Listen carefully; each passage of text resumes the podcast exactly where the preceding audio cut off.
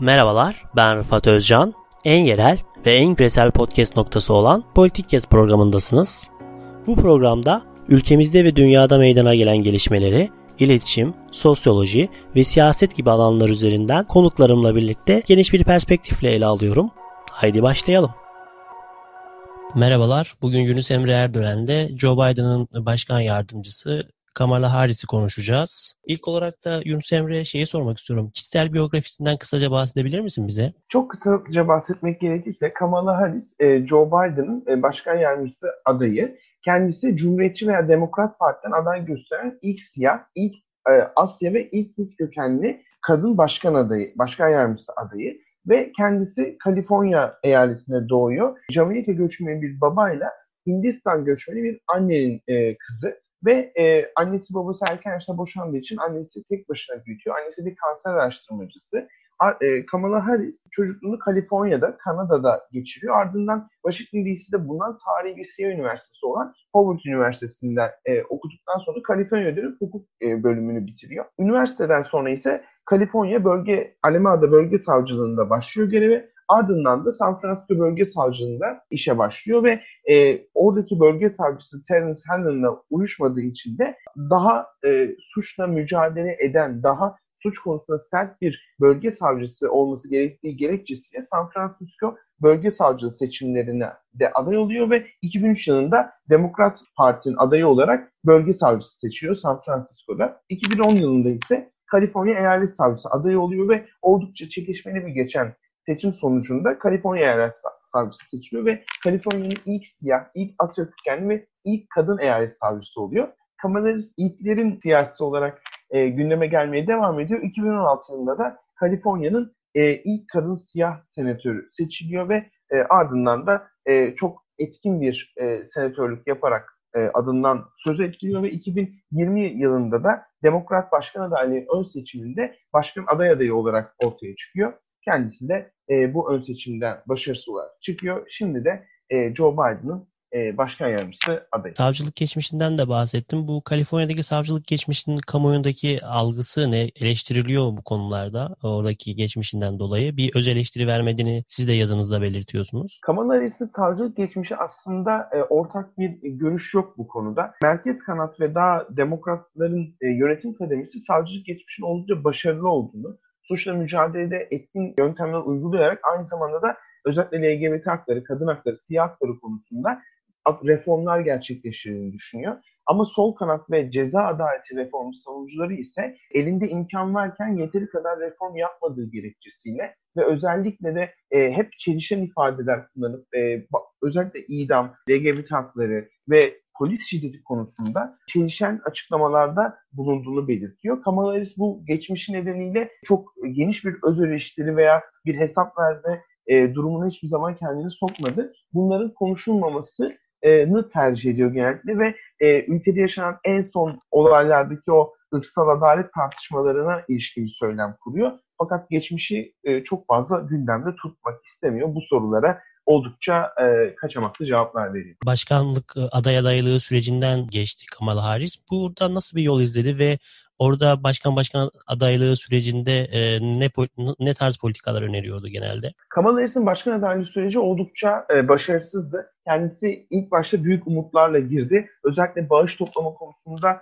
çok e, başarılar sağladı. Çok kalabalık mitingler düzenledi. Ama zamanla özellikle ön seçim için önemli olan sağlık e, reformu, sağlık sigortası gibi konularda solla merkez kanat arasında çelişen politikalar savundu. Kendini konumlandıramadı. Özellikle siyah bir kadın olarak siyahların desteğini almasını bekleniyordu ama anketlerde siyahlar arasında oy oranları %5, %6'lara düşünce Kamala Harris hem bağış toplamakta zorlandı hem de net bir şekilde hangi politikayı savunduğu ve seçirse ne değiştireceği konusunda net bir söylem sunamadığı için de daha Iowa ön seçiminden yani ilk yapılan ön seçim başlamadan önce adaylıktan çekilmek zorunda kaldı. Uzun bir süre desteğini hiçbir aday açıklamadıktan sonra ilkbaharda Joe Biden'ı desteklediğini açıkladı. Ve zaten Joe Biden olan desteğini açıklar açıklamaz da olası başkan yardımcısı adaylarından biri olarak e, gündeme geldi. Özellikle münazaralarda Joe Biden'la yaşadığı çekişmelere rağmen Kamala Harris e, her zaman en olası başkan yardımcısı adaylarından biriydi. Yaşadığı o başarısız başkan adaylığı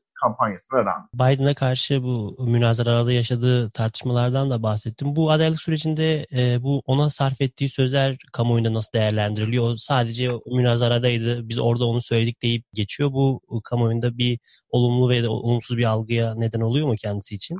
2009 yılının Ağustos ayında düzenlenen ilk demokrat münazarasında Kamala Harris, Joe Biden'ı geçmişte ırkçı görüşlere sahip beyaz senatörler, senatörlerle işbirliği yapmakla ve özellikle siyah çocukların beyaz çocukların yaşadığı, beyazların yaşadığı mahallelerdeki okullara servisle taşınması politikasına karşı çıktığı için eleştirmişti. Joe Biden ırkçı olmamasına rağmen bu geçmiş hakkında hesap vermesi gerektiğini söylemişti ve o Joe Biden'ın servisle taşınmasına karşı çıktığı siyah çocuklardan birinin de kendisi olduğunu söylemişti ve oldukça etkili bir eleştiriydi. Çok beklenmedik bir hamleydi. Çünkü Kamala Harris ve Joe Biden 2015 yılında vefat eden oğlu Joe Biden e, çok yakın arkadaş ve Biden kampanyası ile Harris kampanyası çok e, yakın benzer kampanyalardı e, organik bağ olan kampanyalardı. Bu nedenle Kamala Harris'ten beklenmedik bir eleştiri gelince Joe Biden cevap da verememişti ve özellikle Joe Biden'in yakın çevresi Kamala Harris'in bu e, eleştirisini, bu tavrını hiç unutmadılar. Başkan yardımcılığı seçim sürecinde özellikle Joe Biden'ın e, başkan yardımcısı seçim komitesindeki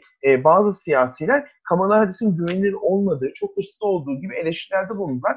Kamala Harris de kendisinin kadın bir siyasi olduğu için ve kadın siyasilerin başkanlık hedefleri olduğu için eleştirildiğini ve cinsiyetçi bir eleştiri tarzı olduğunu söyledi. Eğer aynı hırslara ve aynı eleştiri tarzına bir erkek siyasi sahip olsaydı kendisinin bu kadar çok eleştirilmeyeceğini söyledi. E, haklı bir eleştiriydi Kamala Harris'in yaptığı. Gerçekten de Kamala Harris e, bu kendisine yönelik ön yargılara ve yargılara cevap verdi ve e, çok etkin bir ikna etme sürecinden geçtikten sonra Joe Biden'ın yakın çevresinde ikna etti. Ama hala Kamala Harris'in seçim sürecinde bu yaşadığı uzun e, süreç Kamala Harris ve çevresi için de üzücü bir durum. Hala bunu unutmadıklarını düşünüyorum. Peki bir de yazınızda Kamala Harris'i Araf'ta olarak tanımlıyorsunuz ve Araf'ta olduğu birkaç e, konuda örnekler e, veriyorsunuz. Bunu burada da açabilir misiniz? Kamala Harris mesela idam e, konusunda oldukça Araf'ta bir isim. Yani ilk seçildiğinde idam cezasını uygulamayacağını söylüyor. Hatta bir polisi öldüren bir e, suçluyu bile idam gelen baskılara rağmen idam etmeyeceğini, idam talep etmeyeceğini belirtmişti. Oldukça alkışlanmıştı özellikle reform savunucuları tarafından ama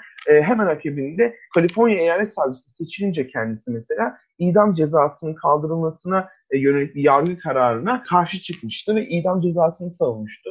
Ya da okulda devamsızlık suçu çocuklarını okula göndermeyen ailelerini suçlu sayan savunmaları düzenledi ama yıllar geçti üzerinden sonrasında e, bu görüntüler tekrar ortaya çıkınca bu e, okulda devamsızlık suçunun savunduğu görüntüler özür diledi. Bu konuda hatalı olduğunu söyledi. Ya da mesela şu anda e, polis şiddetine karşı ciddi reformları savunuyor. Ceza adaletinin sağlanması için ciddi değişiklikleri savunuyor. Ama geçmişte bu yetkisi varken bu reformların çoğunu hayata geçirmedi. E, ya da mesela bugün gülerek e, esrar kullandığını anlatabiliyor geçmişte ama savcılık döneminde esrar kullandığı gerekçesiyle çoğu insan hakkında e, yargılama süreçleri başlatmıştı ve bu konuda ciddi bir reform yapmamıştı. Bu gibi şeyler toplanınca ve özellikle ön seçim döneminde e, Medicare for All yani herkesin ücretsiz sağlık sigortasını ilk başta savunurken sonra özel sağlık sigortaları da olmalı ve sistemde dahil edilmeliler gibi bir pozisyon değişikliği yaptı. Yani ne sol kanadı ne merkez kanadı memnun etti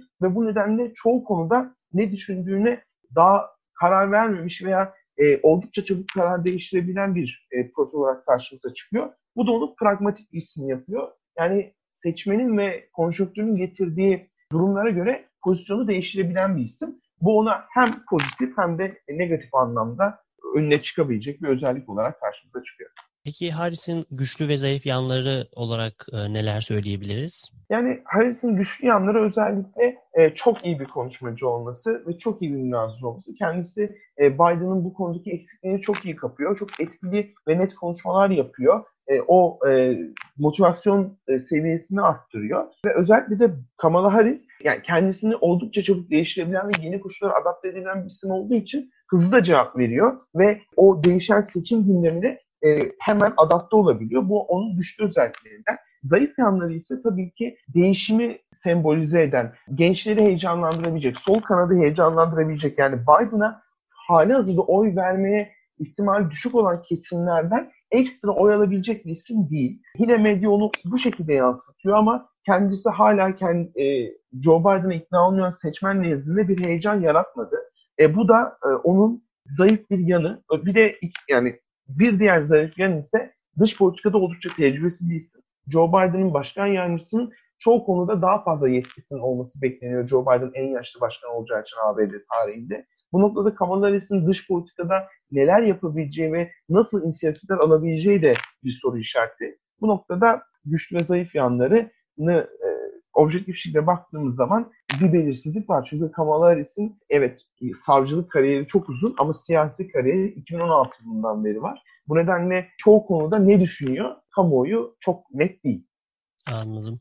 Son olarak da şunu sormak istiyorum. Muhtemel başkan yardımcı durum başkan yardımcı durumda nasıl bir Kamala Harris görebiliriz ve şimdiden 2024 başkan adaylığı için güçlü bir isim diyebilir miyiz kendisi için? Şöyle bir durum var. Joe Biden 3 Kasım 2020 seçimlerini kazanırsa ABD tarihinin en yaşlı başkanı olacak. Kamala Harris de büyük ihtimalle ABD tarihinde en çok yetkisiye sahip, en çok fiili yetkiye sahip başkan yardımcılarından biri olacak. Çünkü Joe Biden'ın her işe e, hızlı bir şekilde koşacak bir e, enerjisi olacak mı olmayacak mı bunu bilmiyoruz. Bu noktada Kamala Harris büyük ihtimalle 2024 seçimlerinde ki Joe Biden'ın bir dönem başkanlık yapması bekleniyor.